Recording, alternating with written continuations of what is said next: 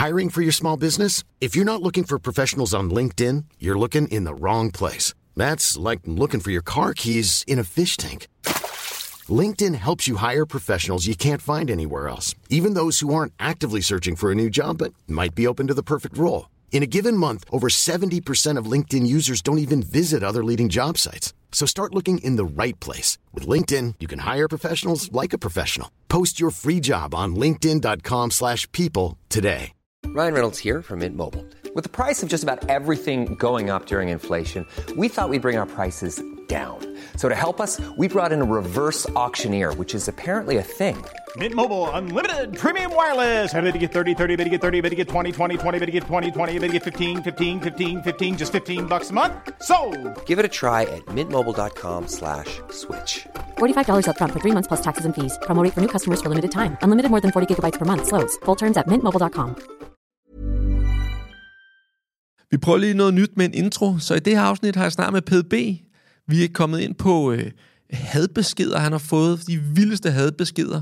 Han har udgivet 15 albums, han har vundet Fight Night tre gange, og han har bare en helt krøllet hjerne. Han fortæller om, hvordan han har skabt det vildeste community omkring sin hiphop og bare hele sådan gruppen af mennesker, der laver musik sammen, og hvordan han knockoutede en 14-årig pige i et moshpit. Jeg er virkelig glad for den respons, jeg har fået på det podcast her. Vil du hjælpe mig lidt ekstra med at skubbe det ud, så tryk lige follow, og ellers så må du bare have en pissefed dag. Her kommer podcastet. Fedt. Jamen, jeg tænker bare, at vi starter. Fedt. Pede, velkommen til. Tusind tak skal du have. Til dem, der ikke kender dig, kan du lige lave sådan en hurtig oprids? det er sådan en klassiker, ikke? Det jo. kommer i alle interviews. Jo, for fanden. Øh, jeg er rapper. Mm. Dansk rapper. Øh, I alt for mange år efterhånden. Hvor mange år er det? Jamen, jeg udgav min første plade i 2005, ikke? Så øh, det er efterhånden en del tid. Øh, og så har jeg jo, hvad kan man sige, lavet mange af de ting, der hvad kan vi sige, eksisterer rundt om det der med bare at være rapper. Jeg har skrevet en bog om teknikken bag freestyle rap. Jeg har øh, gjort mig rigtig meget netop inden for improviseret rap og freestyle, og vundet den konkurrence, der hedder MC's Fight Night tre gange, som der måske er mange, der primært kan huske mig fra. Så har jeg udgivet 15 plader og alt for mange EP'er og spillet en helvedes masse koncerter. Ja. Jeg synes jo, det kunne være totalt blæret at have dig med, fordi du har taget en, det jeg vil kalde en lidt anden rute end mange andre, og måske taget eller fået, altså endt der, eller hvad ved jeg, men, men når man hører PDB, så tænker man freestyle og også independent på en eller anden måde. Hvis man, hvis man kender dig, så ved man også, at du er, det er selvstændigt, og du har lavet rigtig mange ting selv, og udgivet altså fl- flere plader, end de fleste nogensinde kan komme til at drømme om. Ikke? øhm, og jeg synes, det er ret interessant, især hvordan over 20 år Ja. er der meget, meget få artister fra, da du startede, som stadig er i dag, faktisk. Ja. Og hvordan formår man at ligesom øh, på en eller anden måde holde gejsten og holde øh, lysten til at blive ved at producere. Ja. Så Det kunne jeg godt tænke mig at snakke om. Altså, det er jo svært at komme med en eller anden form for forkromet opskrift, Ja. fordi man kan sige, at mange af de beslutninger, vi har truffet, har jo været ret ad hoc sådan hen ad vejen. Mm. Og ligesom bare reageret på, hvad der er sket, og så fået de bedste ud af nogle irriterende situationer mm. og sådan noget. Ikke? Så det er ikke fordi, der har ligget en plan helt tilbage i 2005, og så har vi sagt, nu følger vi bare trin 1 til trin 20, mm. og så ender vi herover. Nej. Det er ret meget bare ligesom at arbejde med, hvad man har. Og jeg tror måske et eller andet sted, at eftersom at Fight Night var så stort, mm. som det var dengang, altså til yngre lyttere, som ikke kender noget til det, for det er jo mange år mm. siden efterhånden, så var Fight Night bare et ret stort kulturelt fænomen i Danmark. Mm. Altså, det udsolgte KB-hallen år efter år efter år, og mm. vi spillede øh, grøn koncert, hvor vi var med rundt i fire eller fem år i træk, og det blev sendt live på DR mm. om aftenen og sådan noget. Og så, altså, Jeg, var kan, bare jeg, jeg har ting. hørt det også. Jeg kan, også, jeg kan huske, at vi havde, du ved, på det tidspunkt, hvor, hvor man inde og downloade en lydfil med Nej, den ja. battle, battle er- eller et eller andet, du ved. Og, øhm, og der var det sådan, jeg, jeg elsker sådan lyrikken i det, så det var sådan, når den der linje droppede, hvor man bare kunne høre salen bare sige, du ved, synes jeg, det var totalt blæret, ikke? Men, men det jeg vil sige det var bare, mm. at jeg tror også det der med, at det blev så stort, mm. Gjorde jo også, at alt hvad jeg kom ud med efterfølgende, mm. kom folk til at sætte lidt i, i sammenhæng med det mm. på en eller anden måde. Ikke? Og man kan sige, i forhold til sådan noget som medieeksponering og P3 og alt sådan noget, så tror jeg, der lidt har været en modvilje imod, måske imod mig og mit projekt, fordi de havde det sådan et, ja, ja, det er fint, men det er jo ikke lige så stort, som det du lavede for et par år siden med mm. det derovre. Ikke? Så ja, ja, det er ligesom... vi har arbejdet ud fra de spillekort, som mig og drengene ligesom har fået, og så har vi øh, formået at få noget banket op alligevel. Ikke? Og du siger vi. Ja, Hele altså, tiden. jeg, Hvorfor? jeg, jamen, jeg tror bare ret meget, jeg sætter mig selv sammen med det hold, jeg er, fordi mm. vi stadigvæk er en gruppe af mennesker, som øh, har arbejdet sammen lige helt tilbage fra den gang, og stadigvæk øh, ja, har musikken som omdrejningspunkt. Ikke? Altså, det er mig, Adam Sampler, øh, en, der hedder Lukas Lunderskov, og så DJ Noise, der kom på lidt senere, ikke? som ligesom er grundstammen i den her lille besønderlige fabrik, vi har bygget op. Ikke? Og lever I alle sammen med musik i dag? Ja, på, forske- Okay. altså på forskellige måder. Man kan sige, Adam er også øh, professionel lydmand, og øh, Lukas øh, arbejder også ved siden af et andet studie og sådan noget. Men forskellige afarter af musikken. Ikke? Okay. Og hvis vi så tager det helt tilbage til Fight Night, med, hvor, det, hvor det hele starter, øh, hv- hvornår starter du med at sådan, altså hvornår det, hvad starter Fight Night i 2000 eller sådan noget? Ja, det begynder i 2000, og jeg er med første gang i 2001, så var jeg var Okay. okay. 17 år gammel. Okay. Og, og, og igen til dem, der ikke... hva- Hvad, man går til en audition, eller hvordan fungerer det? Altså, ja, altså, Fight Night startede ud med at være ret småt. Mm. Så til at begynde med var det nemlig bare, at øhm, audition var en slags indledende runde, som foregik nede i kælderen under rust, hvor der så var, du ved, hvad, hvad, hvad de kunne finde af ravl og krat af freestyle-rapper, som de så bare pressede ind i det her lokale og sagde, kan vide, om vi kan få 16 ud af det her, når det er færdigt. Og så var der en masse mindre dygtige mennesker, der også deltog på lige fod med alle andre dengang. Hvorimod at det, der gjorde, at Fight Night eksploderede så voldsomt, var jo helt klart øh, 8 Mile-filmen fra 2003 mm. med Eminem, som gjorde, at lige pludselig så voksede det fra, at der var, hvad ved jeg, 25-30 tilmeldte hvert år, til at der lige pludselig var 300 tilmeldte mm. hvert år. Ikke? Og der havde vi jo en naturlig fordel, fordi vi kunne freestyle i forvejen. Mm. Og jeg tror, den største udfordring, når du skal begynde at deltage i de her battle-konkurrencer, det er at gøre det foran andre mennesker. Fordi ja, er der var rigtig mange, der kom til de her konkurrencer, netop til de her auditions, som vi snakker om, som... Øhm, som tænkte, om det her kan jeg jo mm. godt.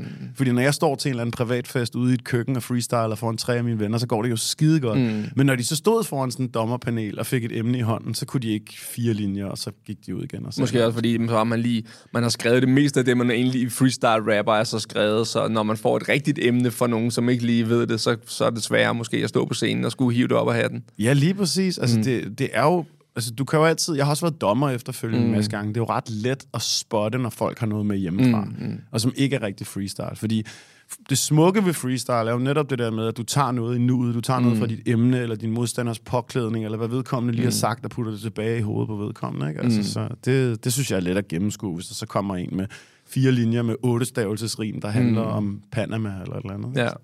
Og vi har jo faktisk, vi har en, en fælles kammerat, som hedder Kasper Fresco. Ja. Øh, og han har, nu har jeg har haft ham ude og optræde med freestyle rap faktisk til et par arrangementer.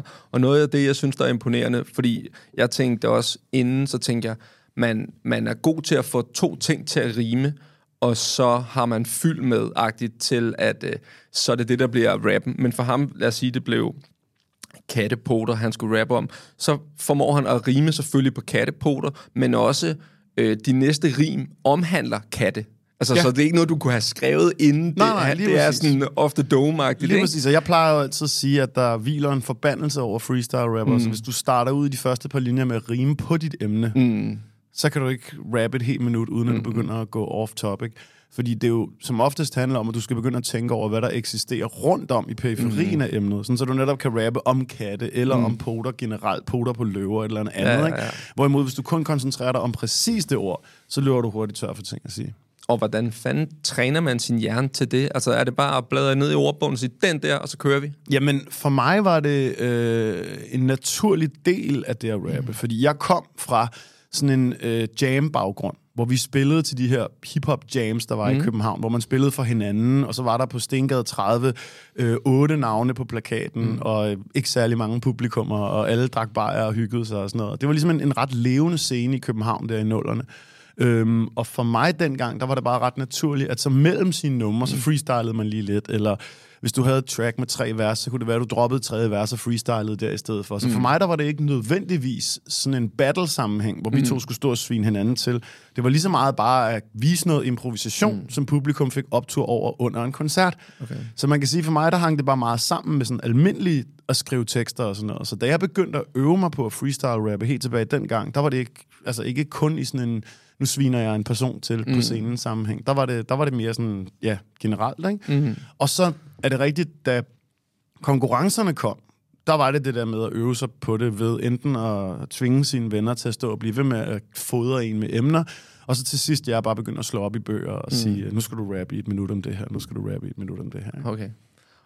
Det, det lyder helt vildt. Altså sådan, hvor, hvor, hvor kom passionen fra til at, at starte med? Altså, ligesom, altså, det, det er lidt ligesom nogen, der bare går helt, øh, du ved, bliver helt vanvittig med Counter-Strike. Så er det sådan, det, det her er bare blevet sådan helt, altså, hvordan bliver man, sy- synes man, det bliver så fedt at bare kunne rime om et emne? Altså, hvor fanden...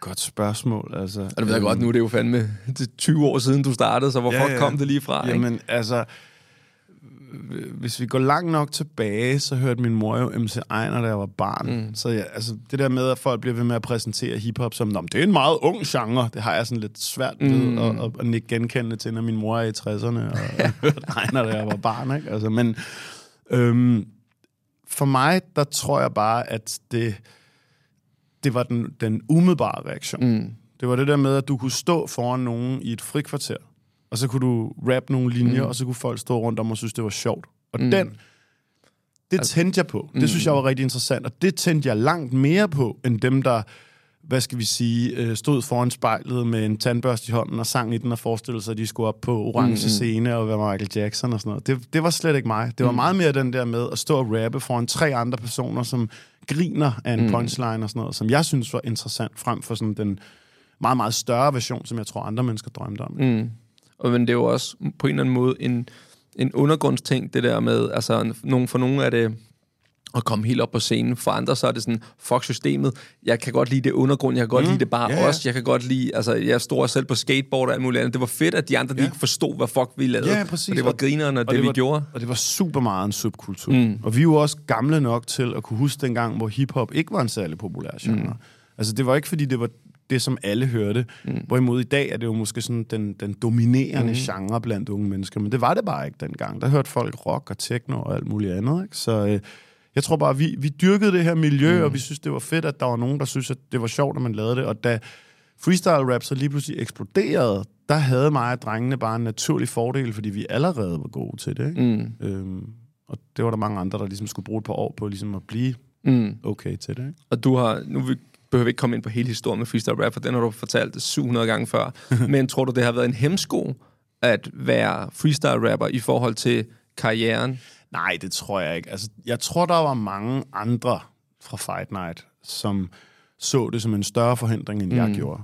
Fordi, altså, hvis du lige har været ude på Grøn Koncerttur, som mig for eksempel, mm. da jeg var 23 år gammel, og været ude og spille for 40.000 mennesker i Valbyparken og sådan noget, så var der mange, der så det som et voldsomt skridt ned ad stigen, så skulle spille ugen efter med sine i gåseøjne rigtige numre mm. for et publikum af 70 mennesker inde på et eller andet lille bit spillested. Ikke? Og det tror jeg aldrig, jeg gjorde. Jeg så det bare som en naturlig ting, fordi det var jo de almindelige tekster, jeg brændte for til at begynde mm. med. Ikke? Så jeg tror bare sådan lidt, jeg prøvede at få at få de ti- tingene til at komplementere hinanden. Og jeg vil også sige, at altså, hvis jeg ikke havde oplevet, hvor stort det kunne blive i forhold til freestyle mm. rap, så havde jeg aldrig haft de ambitioner på baggrund af min egen musik. Så mm. havde jeg ligesom bare været tilfreds med, hey, jeg spiller til nogle hip-hop jams, og det er sådan set bare det. Mm. Fordi jeg kan da huske, da vi var i 20'erne der, der var der da også sådan, ej, vi kan aldrig, vi kan aldrig spille et stort sted som mm. Pumpehuset. Det, det er for stort for os. Mm. Lige indtil vi kunne gøre det lige pludselig. Ja, ja, ja. Så ja. Okay. Og, og du siger, spillet på med Grøn Koncert, det var så freestyle, eller hvad? Ja, vi spillede med sådan et uh, Fight Night show. Ja. Altså sådan en freestyle Ah, showcase. I uh, sådan noget 7, 8, 9, 10 og 11 eller sådan noget. Okay. Øhm, hvor vi var med rundt hele Det er også der, det piker, eller hvad? Ja, sådan noget 5, fuldstændig. 7, 10 Fu- eller andet, ikke? Fuldstændig deromkring, ja. Er det stadig? Fungerer det stadig? Det ved jeg faktisk ikke. Er, Fight Night? Har man stadig Fight Night? Nej, Fight Night stoppede i, det kan jeg ikke huske, 15 eller sådan noget i den stil. Øhm, men, men er blevet overtaget af et andet arrangement, der hedder DM i Freestyle. Og man kan sige, at det bliver jo aldrig lige så stort som mm, dengang. Men jeg synes, de har fundet et ret fornuftigt leje, som de kan blive ved med at eksistere i. Hvor at, jeg ved ikke, hvorfor jeg bliver ved med at snakke om pumpehuset, men de kan for eksempel udsælge den sal, mm. som jo stadigvæk er en kapacitet på 600. Ikke? Så det, det virker som en ret, øh, et ret fornuftigt leje, de kan eksistere i nu. Okay. Og i, i 2005, siger du så, der dropper din første plade, lige Ja. på baggrund af, at du har vundet øh, MC's Fight Night, ikke? Ja, den historie har jeg fortalt så mange gange, men det er, det er totalt af mig og vennerne. Jeg gik i gang med... Ej, nu bliver det langt, det her. Det gør Øh, ikke noget. Kom bare. Mig og min ven Cap, vi havde en rapgruppe. Mm. Øh, Hvad hedder den? Cap og PDB. Sådan. super, Dejligt kreativt. Super klogt. Og vi lavede en demo i 2002, mm. altså hvor vi bare snakker om brændte CD'er. Mm. Sidde i min forældres stue på stuecomputeren mm. og bare brænde CD'er, hvor det tog nærmest 10 minutter per skive. Ikke? Altså, mm. Og så lægge dem i nogle streetwear-forretninger og sælge dem. Og jeg var egentlig meget glad for, at vi gjorde det på den måde, og havde det fint med det, men, men Cap bekendt gjorde lige pludselig, at nu vil han lave et soloprojekt. Okay. Så jeg var sådan, okay, nå, så må jeg vel egentlig også gøre det. Og jeg gik så i gang med bare at samle nogle numre og tænkte, om jeg kan lave en skive på, på lignende vilkår, som jeg lige sådan kan lægge rundt omkring mm. og få lidt ud til vennerne og sådan noget. Men den begyndte sådan langsomt at tage form, den der plade, og blev større og større. Og alle vores amerikanske helte mm. havde jo egne pladeselskaber. Så vi var sådan, ja. okay, damn, det skal vi også gøre. Og vi var sådan 20 år gamle eller sådan noget. Og var, hey, øh, nu skal vi lave en plade, og vores pladeselskab skal hedde Beskidt Lyd, og det skal være så vildt, og da, da, da. Øh, og så lavede vi et lille label. Mm. Øh, og bestilt 500 CD'er, uden at kunne betale fakturaen. Mm. Øhm, men regnede med, at når vi så havde solgt nogle CD'er, så kunne vi have samlet nok cash ind, til vi kunne betale den der regning, der havde været sammen med de 500 CD'er. Klasse. Øh, og, og, og det faldt så, så skørt sammen med, at jeg halvanden uge før den skal droppe, mm. vinder Fight Night for første gang. Hvor jeg overhovedet ikke havde tur håbe at vinde det, mm. fordi de tidligere år var jeg slet ikke kommet til finalerunden mm. eller noget. Og det er jo så den bedste reklame, vi overhovedet kan få. Ja. Så det, øhm, det, det skabte en masse opmærksomhed og gjorde, at i 2006, der spillede vi jo så 80 koncerter med det eller sådan noget. Ikke? Fordi Okay. vi, men igen, vi spillede jo for ingen penge dengang, Ja, så det var, jo, det var jo ja, let ja. nok at ringe alle mulige spillesteder og ungdomsklubber og sådan noget op og sige, mm. skal vi ikke komme forbi, har I 1200 kroner og en masse bajer? Og så Okay. Var vi ude at spille. Var det måden, I gjorde det på? Altså ringede op til folk og sagde, hey, I har øh, selvfølgelig brug for, at vi kommer og underholder jeres mennesker. Øh, blandet. Mm. En, selvfølgelig fik vi selv en masse opmærksomhed, som gjorde, at vi ligesom kunne, kunne sælge nogle shows mm. på baggrund af, at folk kontaktede os. Og så var vi kortvarigt inde under et, et, et bookingbureau dengang, som var meget uprofessionelt, mm. som vi hurtigt røg ud af igen. Og så, øh, altså jeg spillede øh, Roskilde Festivalen i 06, mm. i optagsdagene, efter vi, øh, at vi havde udgivet den der plade. Ja. ikke? Så det var også bare sådan, det skabte nogle ringe i vandet, som vi ligesom kunne Fedt. ride på. Ikke? Og hvad spiller man? Rising, eller hvad hed det dengang? Dengang hed det Pavillon Junior, Ja, okay. Det og var, det var inde på selve pladsen, men, mm. men det var kun den scene, de afviklede nogle koncerter fra i dagene op mm. til, at det ligesom startede. Ikke? Så havde de noget, der hed Nordic by Nature, mm. hvor de så havde nordiske navne, der spillede en eftermiddag øhm, øh, på Roskilde. Der. Mm. Jeg tror, det er sådan noget tirsdag, onsdag eller et eller andet før. Dengang, hvor festival, den rigtige festival først startede om torsdagen, nu er det jo om onsdagen. Ikke? Øh, og der kan jeg huske, vi spillede... Øh, jeg tror, det var en dansk rapper, der hed Nemo, der startede det, og så to skandinaviske navne, et svensk og et norsk, og så, mm. og så os til sidst der. Okay. Det er egentlig en ret, jeg synes, det er en ret fed måde at gøre det på, fordi der kommer ret mange til de koncerter, ja. som er mindre øh, navne, som du ved, alle, der sker ikke andet, du Præcis. ved, og nu har vi siddet i lejren nok og Ja. høvlet bajer. Lad os lige få lidt luft og komme op og høre noget, et eller andet Ja, musik. det er, derfor, det, det er godt planlagt fra Roskilde mm. side, fordi det gør jo alle de her up-and-coming navne. Jeg har lige set i dag, har de offentliggjort sådan noget 40 navne til mm. optagsdagene. At folk kommer over og ser det, fordi mm. som du siger, der sker ikke specielt meget andet på det tidspunkt. Nej. Så. Okay, så du i seks spiller i 80 koncerter, Ja, og, og er det så, der er du gået all in, så der lever du af den her, eller hvordan? Øh, jamen, det kan jeg jo nærmest ikke engang Nej. heller rigtigt på det her tidspunkt, vel? Så øh, sådan lidt, og øh, studerede lidt, og var bartender, og kø- Okay. køkkenmedhjælper på en thailandsk restaurant, og alt muligt mærkeligt. Okay. ikke? Sådan, Og bare skulle have hjulene til at løbe rundt, så bare levede helt slummet, eller hvad? ja, ja, det, det gør man jo, når mm. man er 21 år gammel. Ja, Ja, ja, ikke? Så, øhm, så det, men ja, det var sjovt for os, og Mm. øh, ja. Og så vinder du igen en i vild 7 tid. og i 9. Ja, så stillede jeg ikke op i sex, Mm. mm. fordi jeg tænkte, at jeg var træt af kun at blive, som vi snakkede om, Mm. sat i sammenhæng med de her freestyle-konkurrencer. Så jeg stillede slet ikke op i sex. Og så kunne jeg godt se, at det måske ikke rigtig gjorde noget, at Mm. man var kendt, eller hvad vi nu skal kalde det, fra begge dele. Så jeg stillede bare op igen i syv, og Mm. mm. var så så heldig at vinde det igen. Ikke? Og da jeg så stiller op i otte, så har jeg i så lang tid trænet sammen med min gode ven og sparringspartner Mikkel. Og til sidst... Ah, med der- stort L til sidst. Lige præcis. Ja, ja, ja. Og til sidst, der ender vi så i den aller sidste finale runde mod hinanden. Ah, okay. Hvor Din at- kammerat. Ja, ja, og det bare var så underligt, ikke? Fordi vi jo netop havde stået en måned op til hver eftermiddag, og bare været sådan, okay, øh, rapper om pølsevogn. Sådan. og lige pludselig står vi over for hinanden, ikke? Så Så der, man der, havde brændt alt krudtet af, eller så hvad? der tævede han mig, og mm. jeg var så glad. Der var ikke nogen, jeg hellere ville tabe til. Nej, hvor fedt. Overhovedet. Øhm, og så var jeg så, så heldig så at vinde det året efter igen, og tænkte så, okay, nu har jeg vundet det tre gange, og det var der ikke nogen, der havde gjort på det mm. tidspunkt. Så jeg tænkte, fint mand, så stopper jeg bare mm. her. Og udgiver du plader så i 7, 8 eller 9? Øh, jeg udgiver først min næste plade i 8. Okay. Altså dengang, nu kan man jo sige, at nu til dags, der går der jo ikke så forfærdelig lang tid mm. igennem udgivelserne, fordi jeg tror, man bliver jo bedre og bedre til ligesom at strømligne processerne, mm. og kunne finde et arbejdsflow, der giver mening, ja, ja, ja. altså noget, effektivisere sin tid. Men dengang, efter pladen i 05 til den i 08, der var det jo bare øh, sådan lidt trial and error, mm. og prøve en masse ting, og bygge et studie, og lave noget med drengene, og sådan noget. Og er man stadig ude og sælge altså, sådan CD'er i en butik, stille 10 CD'er, og jeg kommer vi, tilbage forhåbentlig, når ja, der er solgt, man, eller man hvordan? kan sige, i 8, der havde vi fået rigtig distribution på det. Okay. Fordi der blev det udgivet ved hjælp af den rigtig fede hiphop-institution i Danmark, der hedder Run for Cover, mm. som er en fysisk forretning ude, ude på Vestegnen nu, men dengang var øhm, også en meget stor øh, webshop, pladeselskab, alt muligt forskelligt, ikke? Okay. Øhm, som vi øh, ja, udgav den plade og min næste plade igennem. Okay. Og hvor meget sådan, får man hjælp til? Nu havde jeg øh, sidste uge havde jeg Uro inden, og ja. han fortalte, at øh, nu har han lige udgivet et nummer, øh, øh, Føles Godt, øh, tror jeg den hedder, whatever. Men øh, der havde han egentlig tænkt en helt plade inden, det her nummer går så godt, og den plade, han har lavet, er en helt anden genre. Så nu er de ved at retænke strategien, du ved, med manager og alt muligt andet lort. Så, så, så øh, hvor, hvor meget sådan, ligger der i dit bag det? Eller er der bare sådan, en plade, den er sat i verden, vi kører? Det er lidt forskelligt, Okay. vil jeg sige.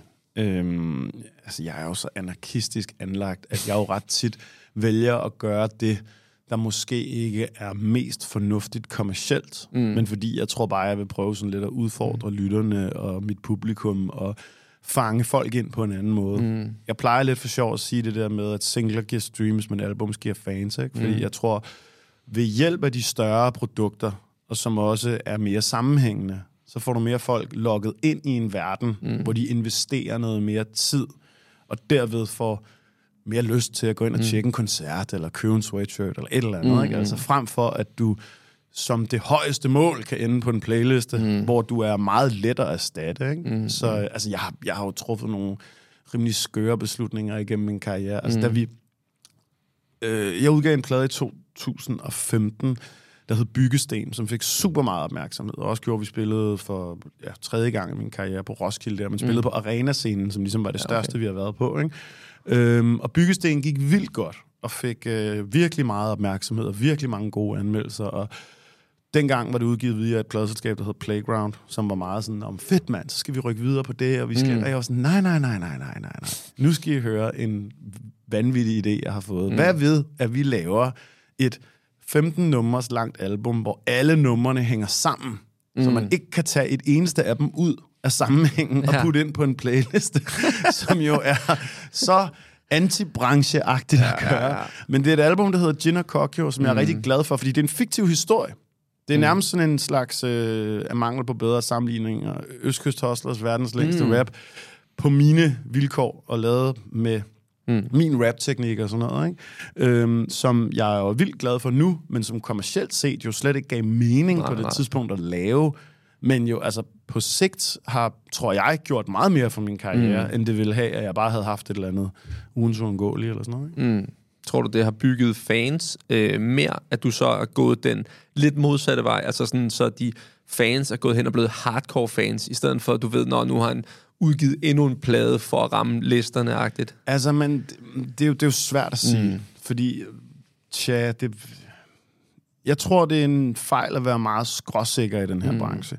Fordi hver eneste gang, der er nogen, der prøver at lave regler for, hvad man skal gøre inden for musik, så er der nogen, der gør det modsatte og har succes med det.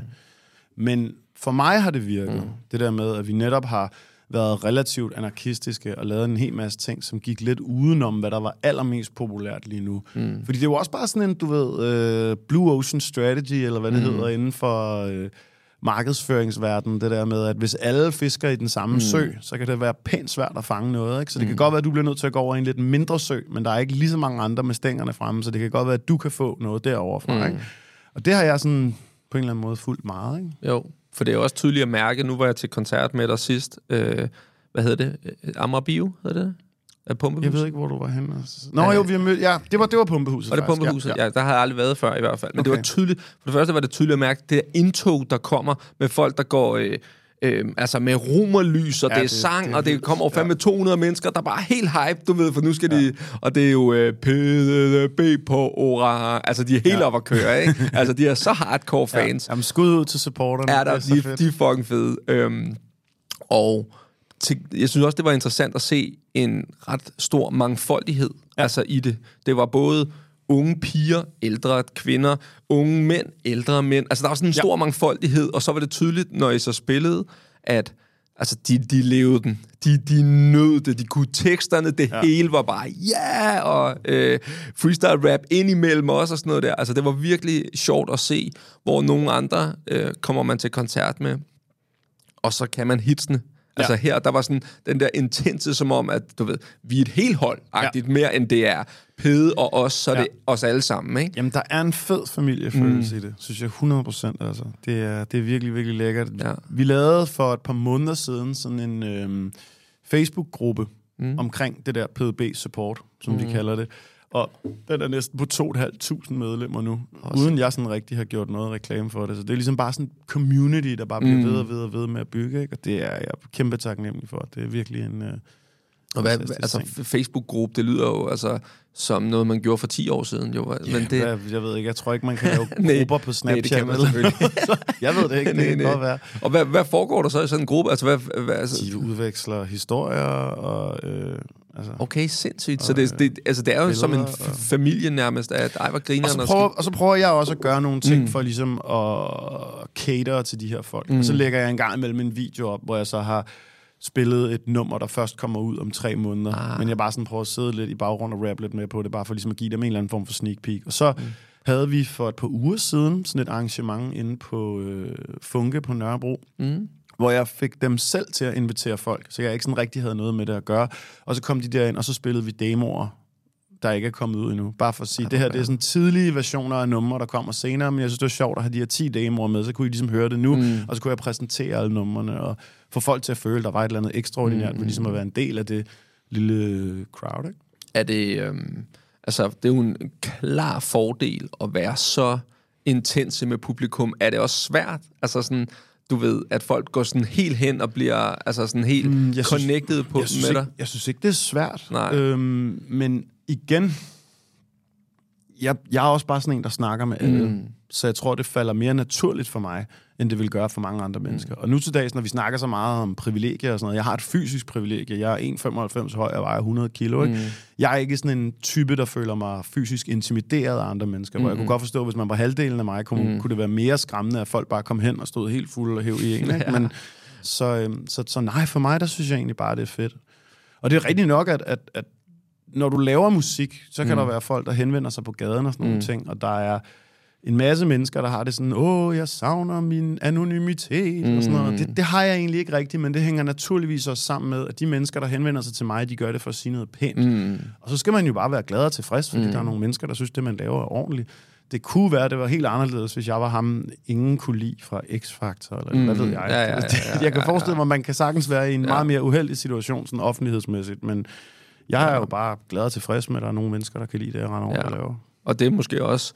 Øh, med dig er det måske også, fordi det er kommet i steps. Altså Ja. sådan stille og roligt, du ved, og så har du 100%. vendt dig Ja. til det, ikke? Jeg har for eksempel oplevet på Roskilde, at det stak helt af, og jeg Ja, bare var klart. sådan, hvad fuck er det, der sker? Jeg kan jo ikke være nogen steder mere, du Nej. ved. Øh, men er også kommet hen til et sted egentlig, hvor jeg tænker, det er fandme svært at have på, at folk elsker det, man laver. Præcis. Så de kommer helt hen og vil have taget et billede med dig. Altså, du ved, på det, man nogle gange selv i sin egen, når man sådan går ind i sig selv, altså jeg sidder bare og æder shawarma ude i bilen, eller jeg sidder bare hjemme hjemmestudiet og, og, og rimer, du ved ikke, og folk synes bare, at det er verdens fedeste ting. Det er fandme svært at have på. Præcis. Fuldstændig, altså. Hvordan øh, sådan, øh, altså med 15 plader, hvordan fanden, altså får man, får man hele økonomien til at løbe rundt, når man ikke laver øh, altså, radiohits på den måde? Hmm, altså, øh, for mange år siden, der hjalp jeg den skuespiller, der hedder Rasmus Hammerik, med at skrive hans raptekster og coache ham til den mm. der plade, der hed, eller ikke plade, den her film, der hed Ægte Vare, mm. hvor han skulle spille Gillies, øh, et eller andet Ja, øh, ældre- ældre ja. bekendte, som, ja. Og det er faktisk sjov, sjov historie, så øh, var der nogle, der var nogle fejl i forhold til at få leveret de rigtige filer og sådan noget. Så når man ser den film, hvor de er inde og spille live i filmen, mm. så er det lige pludselig mine vokaler, der brager ud af højtalerne, fordi Okay. de havde sat den forkerte version på i live, så det er sådan mig, der er i baggrunden, mens de står inde i den, den der koncert. Så. Nej, men øh, han kom med et rigtig godt begreb for det. Mm. Han kaldte det for kludetæppeøkonomi. Mm. Det der med, at han sagde, om jeg er skuespiller, og det er svært at leve af i Danmark, så i øh, nogle perioder, der laver jeg reklamefilm, så laver jeg teater, så laver jeg tegnefilmstemmer, så laver jeg et eller andet passionsprojekt, jeg selv har derhjemme. Og på den måde, der har jeg en masse vandhaner, jeg kan skrue op og ned for, og så kører det fint. Og det har jeg egentlig været lidt inspireret af, kan man mm. sige. Sådan så at, jo, selvfølgelig, fordi jeg har udgivet så meget, og fordi jeg har udgivet de fleste af tingene selv, mm. så har jeg en ret god royalty-betaling mm. hver måned. Og jeg har egentlig en ret fin indtægt på baggrund af det. Men jeg er også ude at spille i godsøjne rigtige koncerter. Mm. Jeg er også rundt og lave nogle foredrag på baggrund af den bog, jeg har skrevet om freestyle rap sammen med en fyr, der hedder Mads Korsgaard. Mm.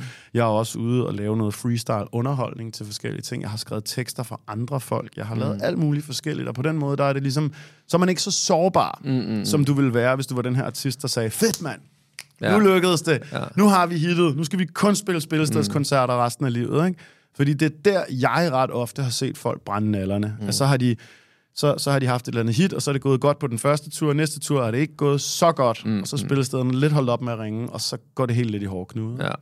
Og det er en, det er en utilgivelig branche, ja. så jeg tror, man er lidt stærkere stående, hvis man på en eller anden måde har udgivet tingene selv, og på en eller anden måde selv har haft en større, mm.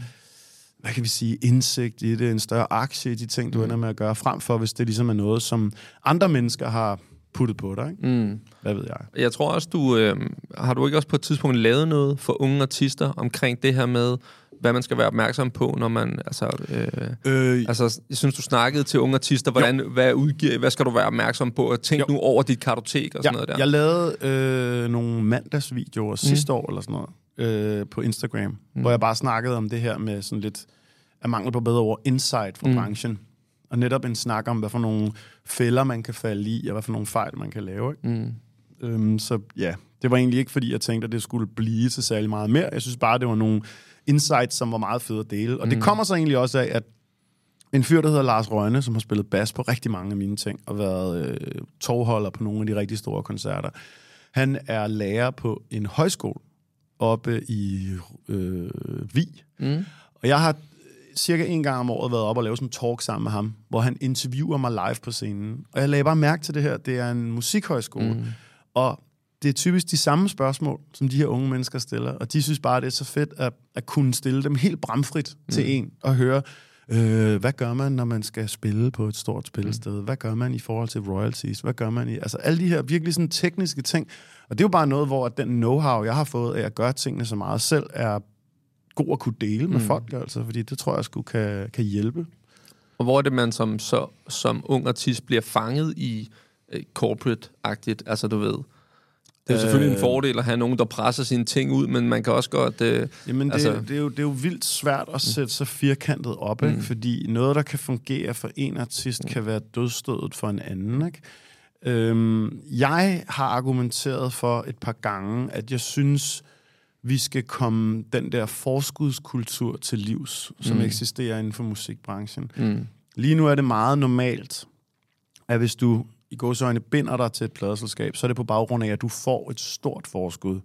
Og så kan de så stå for dine 25 næste singler, eller to næste albums, eller hvad det nu er for en form for aftale, man laver. Mm. Og jeg tror ikke, det er specielt godt mentalt for unge mennesker, mm. at få en hel masse penge i hænderne, og så nærmest udsigt til, at du kan ikke tjene noget de næste fire år mm. På dine royalties. Det tror jeg ikke er særlig godt. hvor stor en pose penge snakker vi, man får i hænderne, tror du? Det er i alle ender af spektret. Okay. Altså det er fra pennies til mm. øh, en million eller et Okay. eller andet. Ikke? Øh, men uanset hvad, tror jeg bare ikke, det er særlig godt. Mm, mm, Og jeg har både set det med dem, som så har fået øh, 50.000 for at udgive super meget musik i fremtiden, hvor man kan sige, det, giver, det passer jo ikke nogen steder mm. sammen overhovedet, at, at det er gået galt for dem. Men jeg har også set dem, der har fået en million for at skulle udgive de næste to plader, at deres private økonomi er sejlet, mm. og de er brasset fuldstændig sammen på det Kom der. bare ud og købe en stor slæde, og øh, skal bare have den dyre lejlighed-agtigt. og glemme skattevæsenet mm. og glemme det. Altså, som, som sagt er det jo et forskud. Mm. Det vil sige, det er de indtægter, du kommer til at tjene på pladeselskabet, som du har fået lige nu. Mm. Så du skal både tjene det ind igen, og efterfølgende vil din royalty-sats så være tilsvarende lav, fordi du har fået et stort forskud. Ikke? Mm. Så hvor du måske med et mindre forskud kunne få en 50-50 aftale med pladeselskabet, så er du nu helt nede på 15-20 procent eller sådan noget. Okay. Altså, så, ja. Igen, men, men hey, det fungerer jo også for nogen. Ja, ja, fordi der er nogen, der har en plan for det. Der er nogen, der har et godt samarbejde med et eller andet management, som måske er inde og sige, fint, men så satser vi bare benhårdt på, at du kan sælge noget merchandise de næste mm. par år, eller kan lave nogle kommersielle samarbejder på dine sociale medier, eller hvad ved jeg. Mm. Men det er dem, der ikke kan finde ud af det, Ja, og som ja. tænker, fedt mand, 400.000. 400.000 er ikke så meget, hvis vi kigger to-tre år frem. Nej, nej, det er ikke meget om året, det er rigtigt. Kan det også påvirke, er det også med til at påvirke, hvad for nogle valg man tager øh, kunstnerisk i forhold til, okay, fuck, jeg bliver nødt til at lave radiohits-agtigt, du ved, så jeg bliver nødt til at, nu har jeg bundet mig for to år, vi skal altså ud og have lavet nogle spillere, så man går ikke lige ud og laver øh, pladen efter, hvor det bare er en lang historie, fordi det havde følt man lige for, fordi man bliver nødt til at ligesom, Selvfølgelig er det det. Ja. Selvfølgelig er det det. Men, men igen, der er jo også bare nogen, hvor det fungerer for dem, mm. ikke? Og, og lykkes for dem. Det er bare meget, meget svært at kunne sige, om det er den plan, der kommer til at lykkes. For det første med dig som artist, men også i forhold til den målgruppe, du prøver at ramme. Mm. Fordi du skal jo også huske, hvis du benhårdt går efter, at du skal bare op og være top 50 på Spotify, mm. og det er det eneste, du skal tjene dine penge på, så konkurrerer du ikke alene med alle de andre artister i Danmark, der prøver mm. at gøre det samme.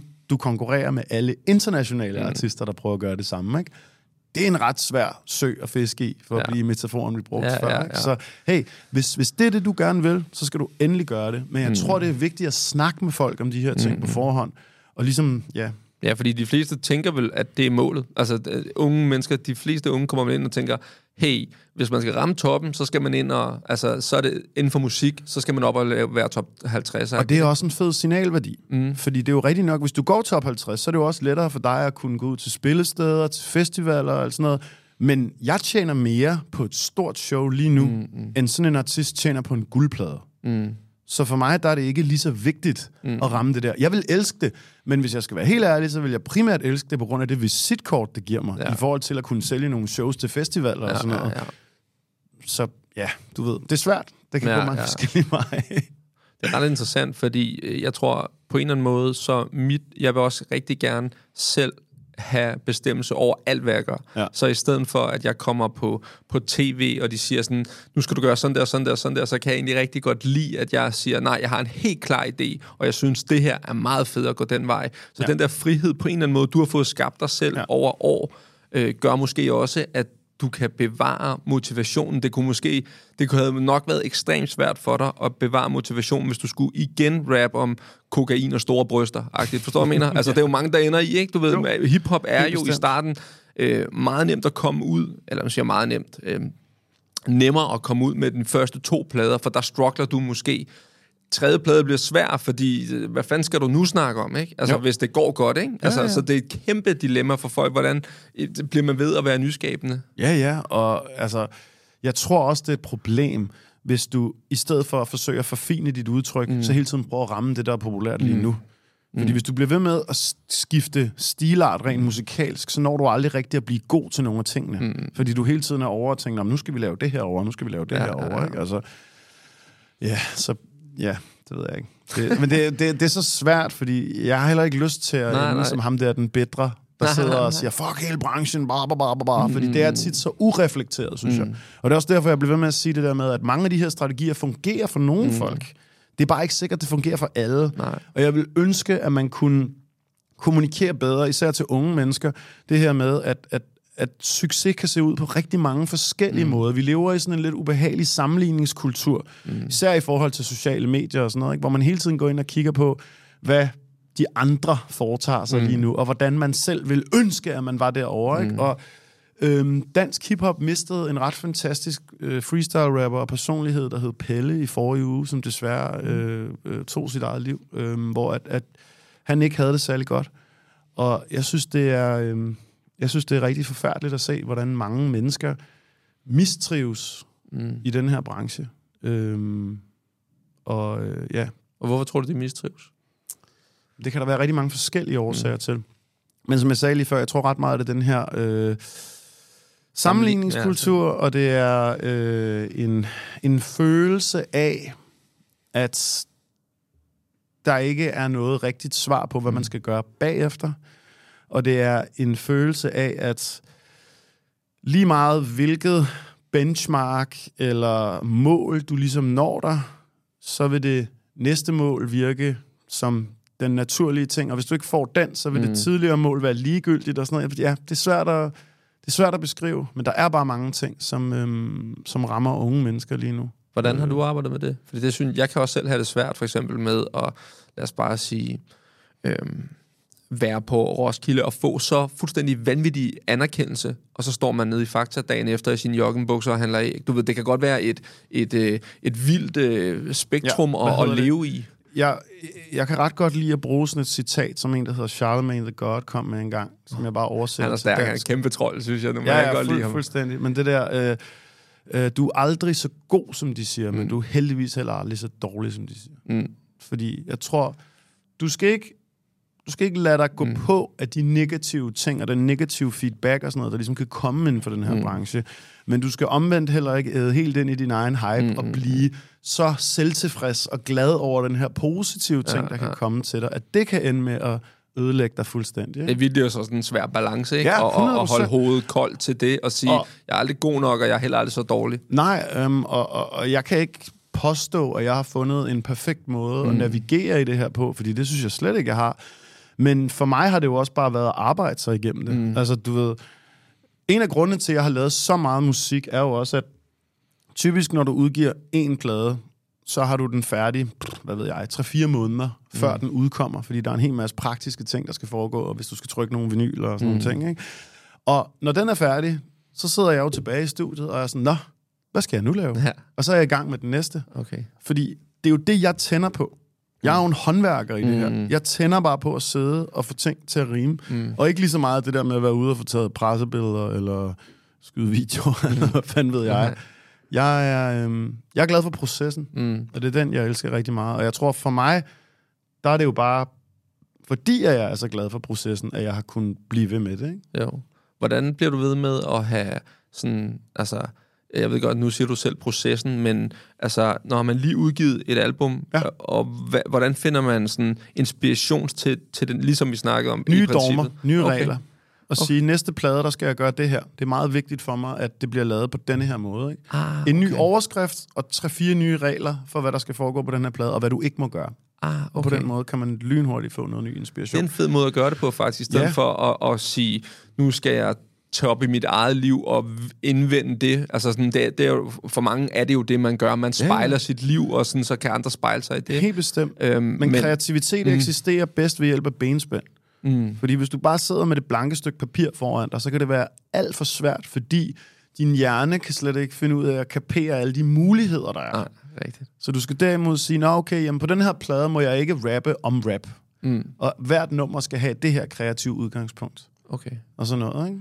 Og det er ret fedt, synes jeg. Det er, en, det er en fed måde at tænke på det på. Også en fed måde at, at skubbe sig selv kreativt til at, at ligesom øh, komme ud med noget, som ikke ender i den samme genre, som det, man lige har lavet, men uden at man skal genopfinde sig selv fuldstændig. Ja. Altså, det synes jeg er en ret god måde at gøre det på. Og så udover det har jeg jo også bare hele tiden et naturligt ønske om at blive en bedre rapper. Mm. Jeg har hele tiden en, en personlig, faglig stolthed i, at næste projekt, der skal jeg mm. rappe endnu bedre, mm. end jeg gjorde på den her. Ikke? Jo. Og jeg kan huske, det var sådan en kliché, der eksisterede for 10 år siden, mm. det der med folk sagde, oh, men, øh, hvis man skal være rapper, så skal man synes, man er den bedste. Mm. Det er meget vigtigt, ellers så kan man ikke. Og jeg er lodret uenig. Mm. Fordi hvis du er den bedste, så har du ikke noget naturligt incitament for at blive bedre. Mm, mm, mm. Jeg tror, det er meget vigtigt, at du har lyst til at gøre det bedre i morgen, end du gjorde i dag.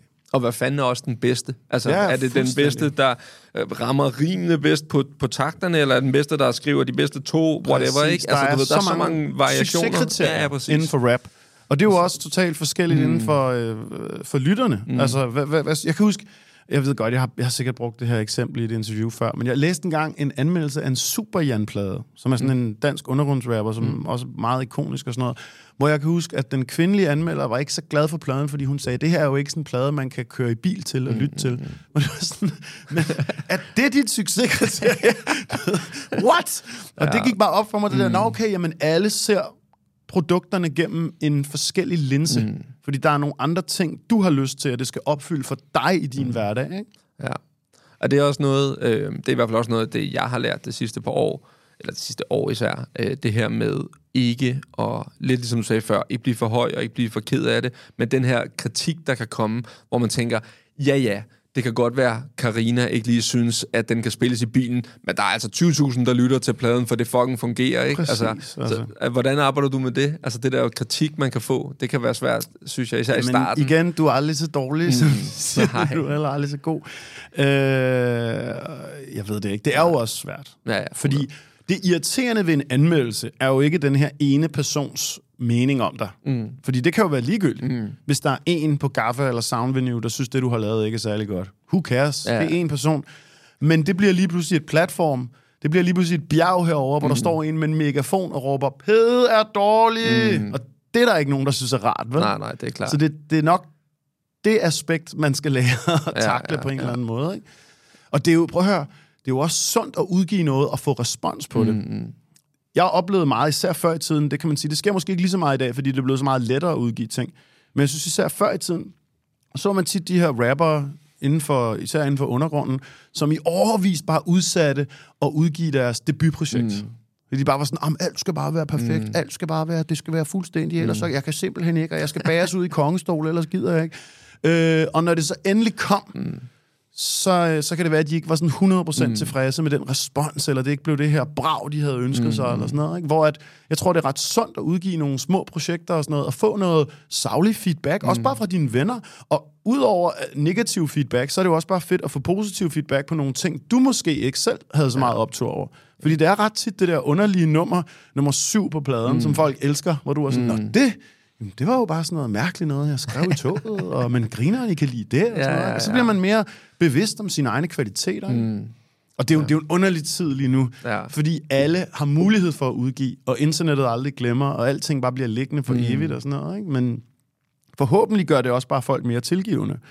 At i gamle dage, så kunne du finde en eller anden demo, som en amerikansk rapper havde lavet en gang, og så var alle flade og grin over, hvor ha, ha, ha, hvor var han dårlig, da han var 16. Mm. Nu til dags tror jeg ikke, der er nogen, der på samme måde bliver sure over en eller andet, et eller andet etableret navn. Stadig har nogle numre liggende på YouTube fra det vedkommende var 14 eller sådan noget. Det er sådan lidt, who cares? Vi har alle sammen startet et sted. Det er det samme. Jeg bruger faktisk det samme med mine videoer. Der er der også min første er stinkende ringe. Okay. Og, og, og med vilje lader dem ligge, fordi jeg synes faktisk, der er meget mere sådan...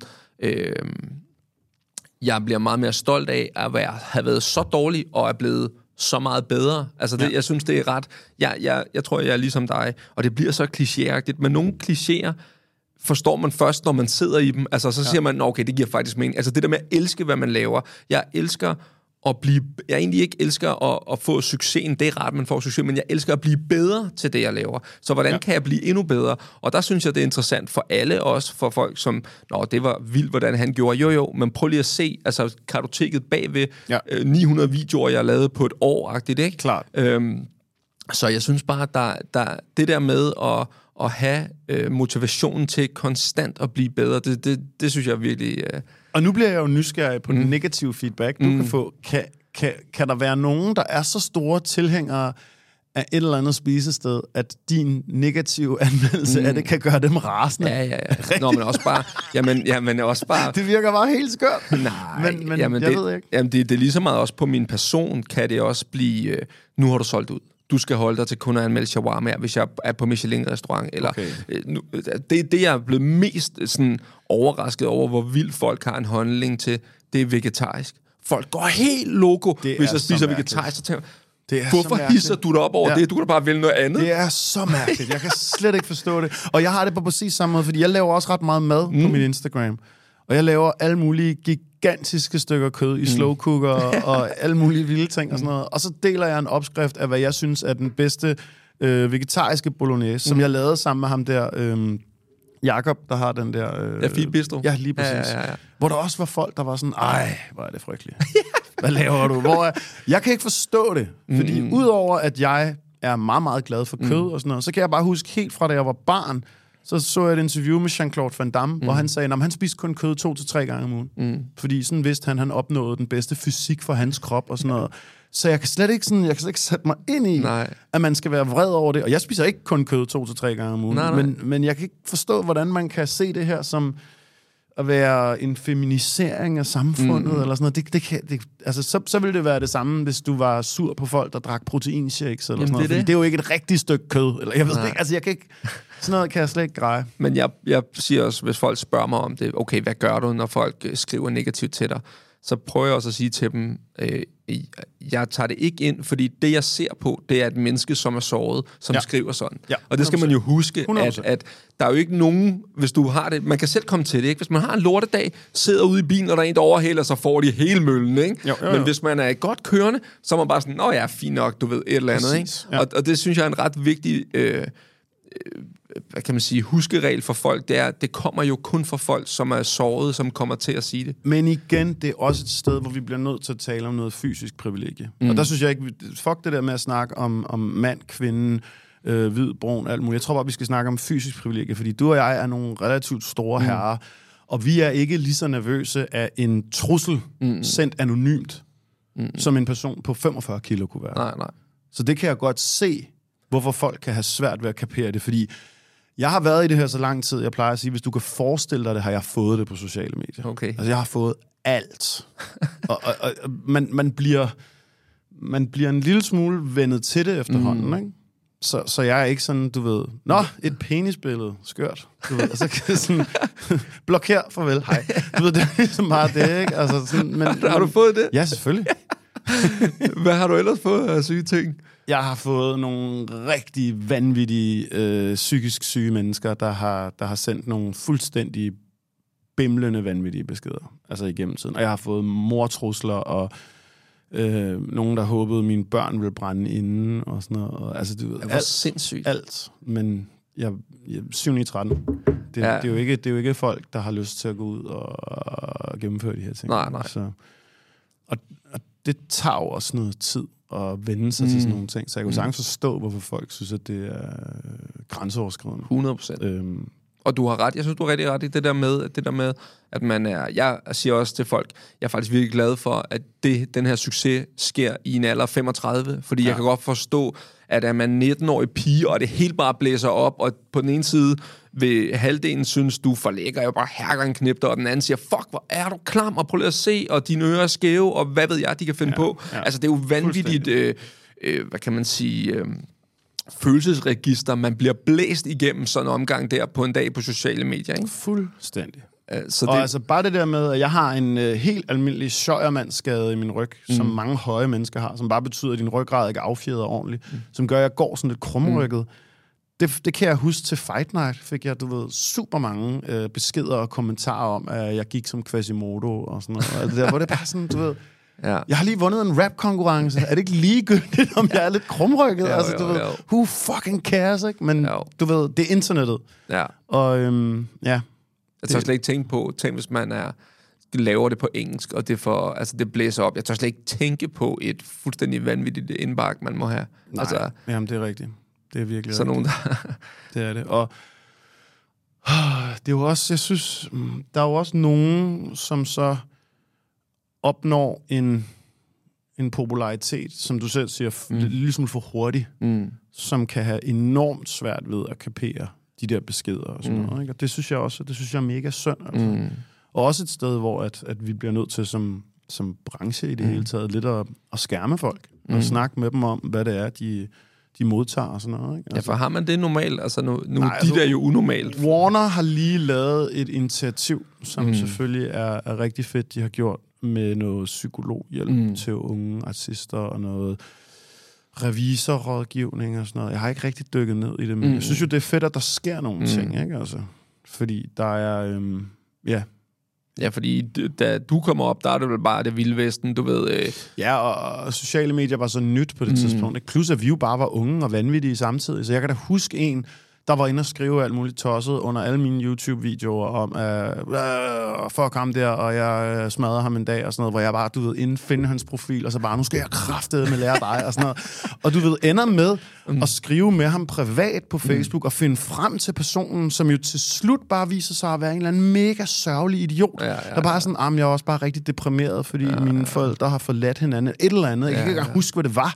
Men hvor jeg bare slutter det af med ligesom at være sådan, okay, men helt ærligt, lad være med at skrive så surt på nettet. Ja, ja, ja, altså, fordi, du ved, så du har totalt ret ja. i, det er jo nemlig nogle stakkels sårbare mennesker. Mm. Altså, jeg så lige den der øhm, øh, incel-dokumentar på TV2 i går, om, øh, om, om incels mm. i, øh, i, i England, som jo bare, altså, folk, der skriver på nettet om at myrde øh, uskyldige kvinder, mm. fordi de har gjort mænd fortræd og sådan noget. Ikke? Og det er, jo, det er jo alle sammen bare sådan nogle, sådan nogle øh, sårede børn, mm. altså. Ja, ja, det, er jo, ja. det er jo mennesker, der bare har det dårligt, altså. Ja. Du ved, så hey, flere penge til psykiatrien. Ja. Altså, så kan det være, at vi kan prøve at gøre noget ved det her, fordi ja, I don't Ja. know. Men igen, det er jo også, tror jeg, vigtigt at nævne det der, men jeg kan sidde og spille nok så smart, men jeg har fået alle de her beskeder. Mm. Men igen, jeg er også en, en, en 104 kilo stor mm, mand, der har gået til kickboxing i 15 år. Du ved, jeg, jeg, jeg tager det ikke så tungt, mm, hvis der er en eller anden, der skriver til mig, som du selv siger, som en Ja. 19-årig pige, der får en indbakke besked om, jeg kommer hjem i din lejlighed og voldtager dig. Ja, ja, det er voldsomt. Hold kæft, mand. Jeg kan da godt forstå, at folk brækker nakken på mm. det der, ikke? Altså.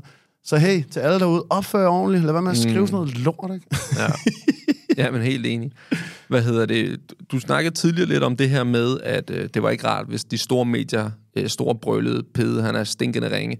Hvor meget har det gjort for dig, at øh, du ligesom har haft din egen platform til at kunne kommunikere med, altså ligesom du siger, lige pludselig 2.500 følgere, som, som nogen kan, altså man kan hurtigt komme til at bagatellisere 2.500 følgere, men det, det er fucking mange mennesker, som og- er og jeg har, hardcore. Jeg har, jeg har 30.000 på min Facebook-side, mm. men det, der er specielt ved det her community, mm. det er jo, at det er nogen, der selv kommunikerer, Ja. og selv ligesom interagerer mm. og bygger det her op. Ikke? Altså, jeg tror, det har betydet rigtig meget. Mm. Og jeg, øh, Pato Simar sagde engang til mig det der med, at øh, sociale medier er det mest punk i hele verden, fordi hvis du selv bliver et medie, så kan du sige fuck ja til de etablerede mm. medier. Mm. Og det gør det også langt lettere. Tænk, hvis vi stadigvæk levede i den der tid, hvor den eneste måde, du kunne sælge koncertbilletter på, det var ved at trykke fysiske plakater mm. og lægge flyers ud i butikker og booke radiointerviews mm. og sådan noget. Ikke? Altså, det gør vi ikke. Nej. Du ved, jeg har udsolgt store Vega udelukkende på promoen fra mine egne sociale medier, mm. hvor vi ikke har fået det nævnt et eneste andet sted. Ikke? Altså, mm. fordi du ved, hey, det må vi bare... Og, og det handler om, ligesom jeg startede ud med at sige, at vi har gjort det lidt ad hoc meget mm. holdet i det her, hvor du er sådan, "Nå, men det er de her kort, vi ligesom har fået, så må vi prøve at få det til at fungere på en eller anden måde. Fordi vi har ikke en eller anden hotline ind til P3, hvor de tager alt, hvad vi laver super seriøst mm. eller noget. Så må vi jo bare selv lave nogle forskellige ting, mm. og lave nogle videoer og snakke lidt med folk og sådan noget. Ikke? Mm. Det er jo egentlig, det kan lyde, altså det andet, jeg synes, det lyder som en kæmpe fordel, at ikke være bundet af, at nogen synes, at det, man laver er godt, men man bare man selv synes, det er godt, og så kan man få lov at skubbe det ud. Altså lidt ligesom sociale medier har givet med Instagram, TikTok, YouTube, whatever, har givet den mulighed til et kreative mennesker bare kan få blæst deres ting ud, som slet ikke var blevet taget seriøst af et medie, der sidder en eller anden Ja. ældre herre og skal vælge det. er Det der, der er Ja. godt, og det er det der, Ja. der er godt. Og det må være... Altså, det er selvfølgelig interessant i forhold til musikbranchen, mm. men man kan sige, at musikbranchen har været så meget præget af øh, Rasmus Modsatter, ligesom mig, mm. at, at, at for os er det ikke en ny ting, mm. men jeg kan forestille mig, inden for dit fag, mm. der er det jo kun inden for de sidste 10 år, at man ligesom har kunne sige, mm. øh, glem det til alle mm. de store etablerede mediekanaler, mm. og bare være sådan, "Nå, men vi udgiver bare tingene selv, og sådan noget. Ja, så, ja. så det må være en det må være en, in- interessant at se udviklingen på den mm. der måde. Ikke? Jeg er også interesseret i at høre fra sådan en som dig. Hvad synes du om det der med, at, at, at sådan noget som... Nu, nu er jeg jo ikke så meget inde i det, men, men TV2 har ligesom omlagt strategi, og nu skal de begynde kun at cater til unge mennesker, og, og har fjernet alle deres stand-up-komikerindslag, fordi nu skal det kun gå ud til teenager. Og jeg, jeg sidder jo som en mand, der ikke mm. ved noget om det, men stadig tænker sådan, det er da en kamp, I er dømt til at tabe, fordi det er der folk, der, der ser internet, du ved. Det, hvor- hvorfor bliver I ikke bare ved med at holde fast i de der 50-årige mænd, der ser TV2, og så kan I, eller mænd og kvinder, og så kan I lave noget på nettet til de andre? Jeg tror, man har kigget på det og Hvad sagt, at der er... Øh, det har peaked, altså lidt ligesom en øh, MC's Fight Night. Det har peaked, og nu skal der ske noget andet. Klar. Hvordan gør vi det? Okay, vi rusker hele posen, vi fjerner alt det der stand-up, og så, altså stand-up har også kørt, altså på Zulu har det jo bare et sendefladen de sidste, hvad, 10-15 år, eller sådan, det er helt vildt. Jeg har ikke haft flow til Nej, okay. 10 Jeg- jeg år har sådan faktisk heller ikke, Men, men- men det, det har jeg... Jo, det har jeg også hørt.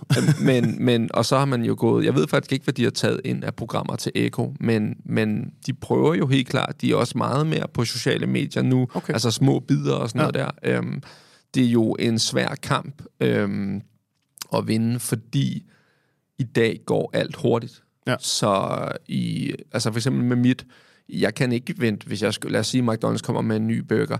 Det nytter ikke noget at vente to måneder. Nej. Altså, så er det Nej, ikke nej. interessant mere. Ja, Ja, det skal ud jo. Så det gør jo Flow TV, eller bare generelt større medier, det gør det langt sværere for dem. Og Helt det, bestemt. jeg synes, det er ret interessant. Der er stadig nogle ting, som de kan, som det er svære for mig at gøre, men jeg kan også bare nogle ting, som de ikke kan. Altså, øh, så jeg synes egentlig, det er et ret godt mix. Øhm, jeg tror, det, det er jo tydeligt, at flere og flere mennesker vælger Flow TV fra. Hvor mange, altså du ved, har Flow TV, man ser egentlig bare Netflix og HBO og dit streamingtjenester, fordi man gider ikke være låst i at skulle øh, se øh, en tre kvarters reklame på en film på en anden time. Altså, kom on, Nej, det ja, er vi præcis. simpelthen ud over, ikke? Og alle Jo, tager lige telefonen frem, ikke? Ja. Øhm, det er en svær kamp, og de struggler, alle struggler. Jeg tror også, radioen struggler, øhm, fordi alle udgiver podcast, ligesom her, ikke? Jeg er blevet min, jeg er lige pludselig ikke ind under en eller anden paraply, jeg er bare min egen ting. Øhm, ja, jeg ved det ikke. Altså, det bedste eksempel er jo øhm, Joe Rogan, som jo får, altså, jeg ved ikke, er der en milliard downloads om måneden eller sådan noget. Det er helt latterligt, ikke? som jo er større end nogen som helst tv-station i hele verden. Og det er bare ham, der sidder og snakker. Det er jo så bladet, synes jeg, ikke? Det er vildt. Øhm, Det er det. så det ved jeg ikke. Jeg kan Øh, huske det fra Drink Champs, som jeg lytter meget til, som er øh, den Kender rapper, der hedder Noriega, som var sådan stor mm. i 90'erne og 0'erne, som har sådan en, hvor han bare drikker sig fuld mm. med forskellige personligheder inden for øh, amerikansk hiphop. Mm. Og som jo også bare, så har de to millioner downloads Ja, på et afsnit, ikke? Altså, som jo er så vildt, ikke? Men det er bare underholdende, fordi mm. selvom et afsnit så tager to og en halv time, og de er helt slørede mm. og fulde til sidst, du får der nogle mega sjove røverhistorier ud af det, frem for hvis vedkommende var i et, et 8 minutters interview i et mm. eller andet morgenprogram eller sådan noget. Ikke? Jo, og det er jo også, det er også derfor, alle gør det. Måske også lidt, øh, lidt eller dig selv faktisk, som var forgangsmand for det her. Grunden til, at jeg gør det her, det er, at der er ikke noget format. Og vi kan snakke om, egentlig, det her er jo ikke planlagt, vi snakker om, Nej. men vi kan snakke om det. Men det er det, der skaber den interessante samtale. Mm. Det er det, der er interessant, fordi din historie med battle rap, den har vi hørt, men det er et meget godt udgangspunkt for mig for at fortælle lytterne, hvem er det egentlig lige, jeg snakker med. Ja. Men, men lad os sige, at jeg lavede et, et program i ja, med P3, whatever, så er der en struktur. Vi vil gerne have, at du siger det her. Jeg har planlagt de her spørgsmål i hvert fald, Ja. øh, fordi vi vil gerne have en eller anden form for output til at slutte med. Mm. Men her er jeg ikke interesseret i det. Jeg er interesseret i at skabe den mest naturlige samtale, vi overhovedet kan have. Ja. Og så må den lande, hvor den lander. 100. Bliver, bliver det ikke super vanvittigt, mm, øh, så er det det. Ja. Kommer der lige pludselig noget ud, som kan blive... Nogle gange er det bare, det her kan bare blive et viralt klip på TikTok eller YouTube eller et eller andet. Og så ser jeg det som en kæmpe su- succes okay. til, til på sigt at skabe øh, tingene videre. Ikke? Ja. Altså, det fedeste er jo øhm, fuldstændig at have rådrum over. Altså lidt ligesom vi har snakket om. Det der med, jeg har jo drømme om, at jeg vil her gerne lave rejseprogram, hvor jeg tager ud og rejser. Jeg vil her gerne gøre alle mulige ting. Måske er det lettere nu at gøre det med øh, et tv-program, men det vil også være federe bare at udgive det uden noget på YouTube, så alle kunne se det i mit format. Ja. Lige præcis som jeg synes, uden der er otte producenter indover og klippe ned, og Ja. husk nu at gøre sådan der, og du må faktisk ikke tale sådan der, fordi der skal vi lige passe på, at du ikke kommer til at ramme noget køns et eller andet lort, Sådan ikke? lidt ligesom Action Bronson, der tog sit uh, madprogram tilbage, efter Vice havde udgivet det et par 100%. sæsoner, så er det ham selv, der laver det igen. 100 procent. Ja.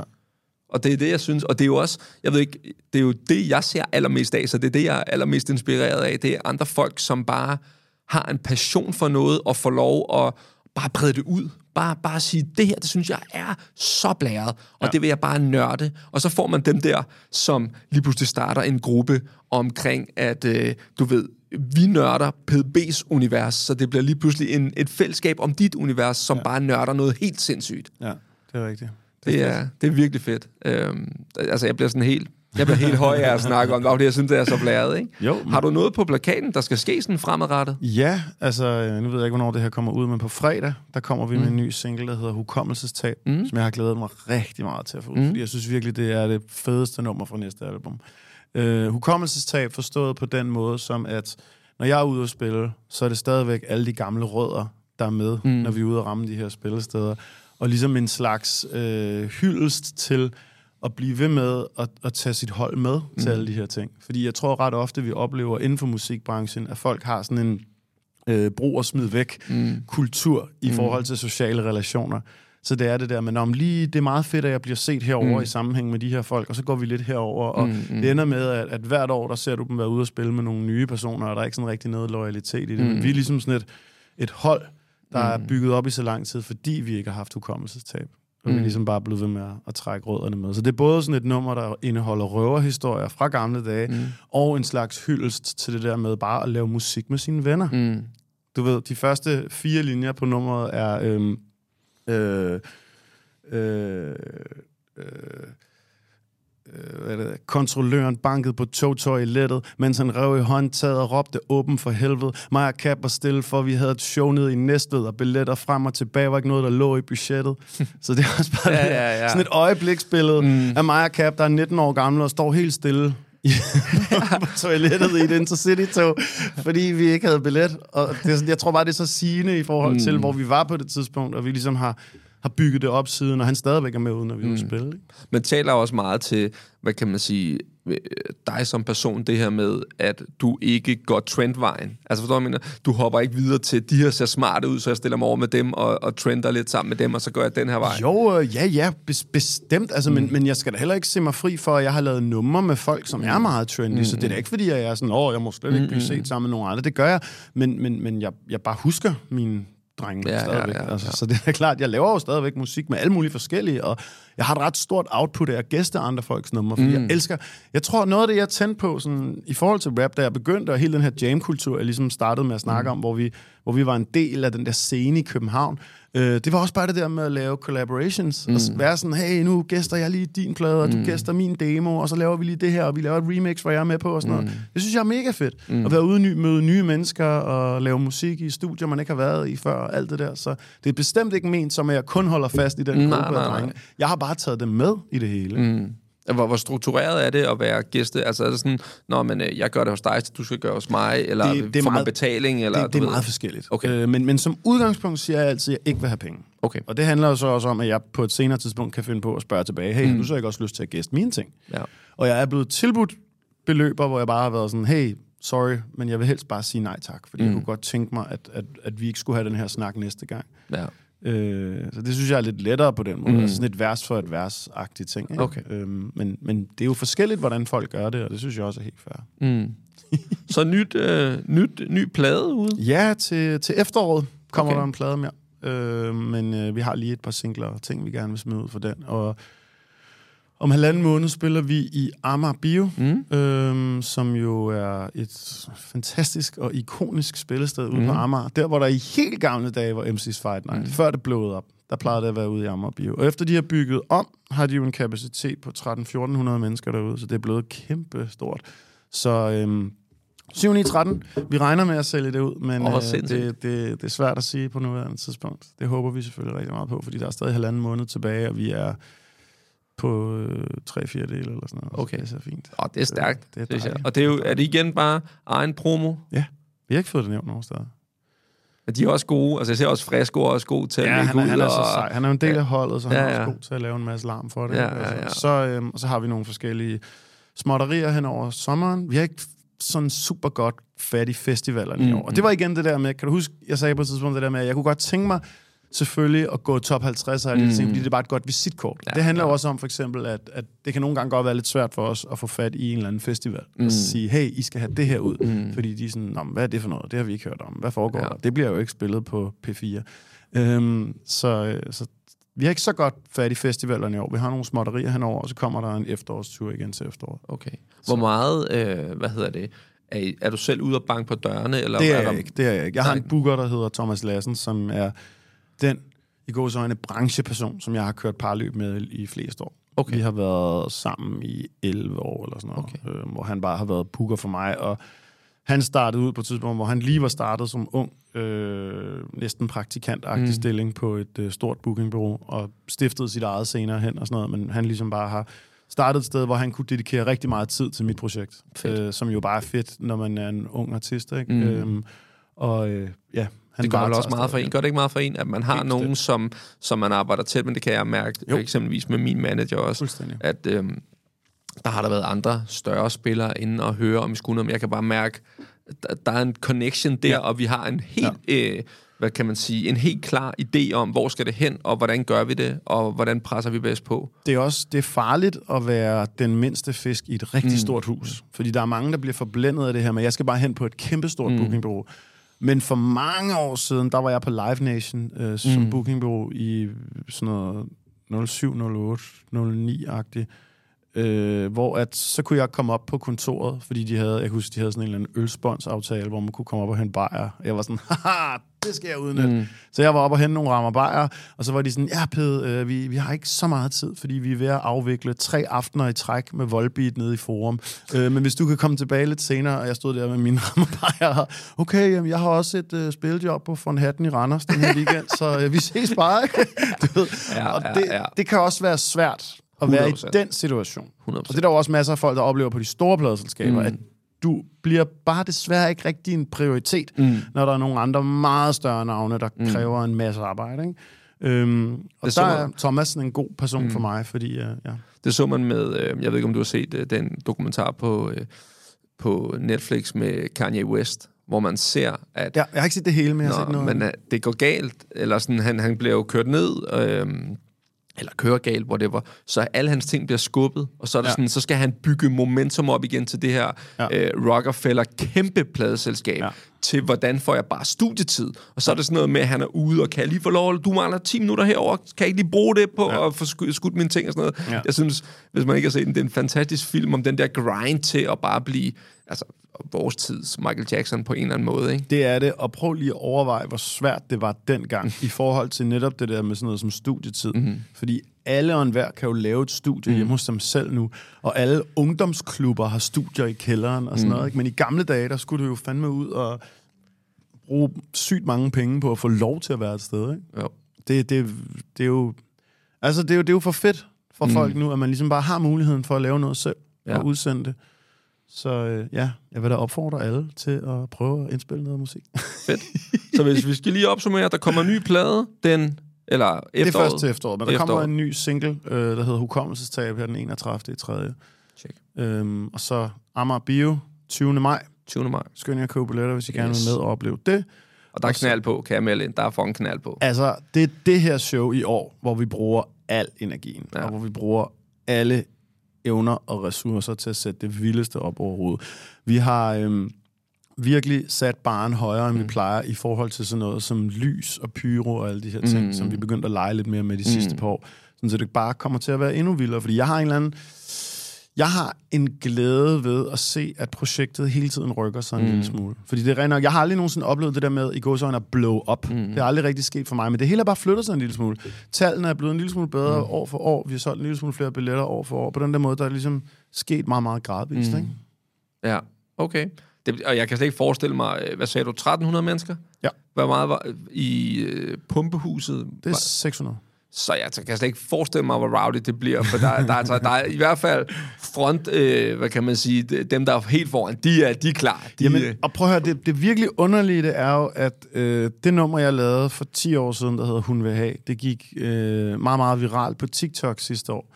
Så lige pludselig, så havde vi en kødrand allerforrest af teenager.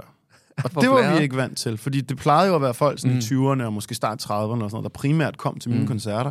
Lige pludselig havde vi også et meget stort følge af teenager. Mm. Og alle nye følgere, jeg fik på sociale medier, var nogen, hvor, hvor de skrev, at de gik på efterskole eller et eller andet. Ikke? ja, ja. Øh, jeg delte en øh, korrespondence, jeg havde med en af dem, hvor jeg selvfølgelig spurgte, er det okay at dele de her beskeder? Jeg synes bare, det var virkelig fedt, hvor jeg var sådan, du ved, du er 16 år, hvordan har du fundet det her Ja. underlige hiphop-projekt med en mand i slut 30'erne? Altså. Og det var altid den samme fortælling, det der med, at hun vil have, opdagede de på en eller anden måde, så kom de ind, og så begyndte de at høre mere, og så fordi der var så meget bagkatalog, så blev de bare hængende. Ikke? Så ja. det er jeg selvfølgelig super, super taknemmelig for, men det har haft den lidt, den lidt uforudsigelige konsekvens, at jeg har lidt sværere ved at stage-dive nu, Ja. end jeg plejede at have. Fordi det lige pludselig er nogle så små mennesker, der mm. står forrest. Så det kan jeg godt mærke, det skal man være lidt mere sådan... Jeg kan, du fortalte også, omkring. til, da jeg var til koncert med dig, at du selv havde været, øh, hvad var det, du sagde, øh, giv den nu gas, men pas lige på, jeg selv kom, du havde hamret en 14-årig ned til et eller andet moshpit eller et eller andet. Nå, ja. Jamen, det er rigtigt. Det er rigtigt. Nej, men jeg kan bare godt lige nogle gange fortælle en historie, mm. fordi jeg tror, at folk kan se, at de godt kunne risikere at gøre det sammen. Mm. Øh, og man bare skal passe på i moshpits Ja, ja, ja, ikke? Altså. Men nej, da jeg var 20 eller sådan noget, 21, der var jeg inde på øh, det spillested, der hed... Hvad fanden var det, det hed? Det var sådan et sted, hvor der primært var heavy, mm. inde i København, øh, inde i centrum. Jeg kan ikke huske, hvad det var, det hed. Nå, lige meget. Jeg var inde og se en heavy-koncert med ven Markus Band, Puto Diablo. Mm. Og der var moshpit foran, og jeg var bare sådan, det gør vi, fandme så. og jeg væltede ind og fløj rundt med. Og der var en hel masse teenager, som bare ligesom rottede sig sammen mod mig, fordi jeg var et hoved højere end dem alle sammen. Og de kommer løbende fra alle sider, samtidig på mig, så jeg kan ligesom kigge til den ene side, og så skubber jeg dem alle sammen tilbage. Så vender jeg mig lynhurtigt om og skubber dem, der er ved at angribe mig fra ryggen, og ser ikke, at det er en måske 14-årig pige eller sådan noget, som bare ligger vandret i luften, flyver baglæns og hamrer baghovedet ind i scenekanten. Altså hele koncerten stoppede og folk bar den her stakkels pige ud, som jeg kunne se sådan vågnede en lille smule op, mens Marco stod op på scenen og råbte, det gør du bare ikke, Pede, stop med det der. og jeg var sådan, undskyld, undskyld, og begyndte sådan slukke øret og med halen mellem benene og vade tilbage til baren og stå sådan lidt derovre fra at se resten af koncerten.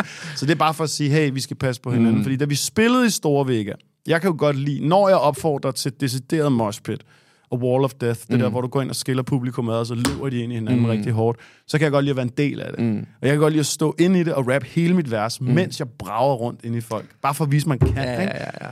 Der kunne jeg mærke, der blev det lidt for vildt i Store ja, ja. Og det der, det var faktisk showet bagefter, og det var derfor, jeg var sådan, husk at passe på hinanden. Ja. Fordi mens jeg ravede rundt og rappede mit vers, ender jeg faktisk med at gå og samle folk op, som er ved at blive trampet på, hvor jeg er sådan, fuck, det er for meget det her, ja, det er for meget, men jeg kan ikke stoppe det, jeg kan ikke ja. gøre noget lige nu.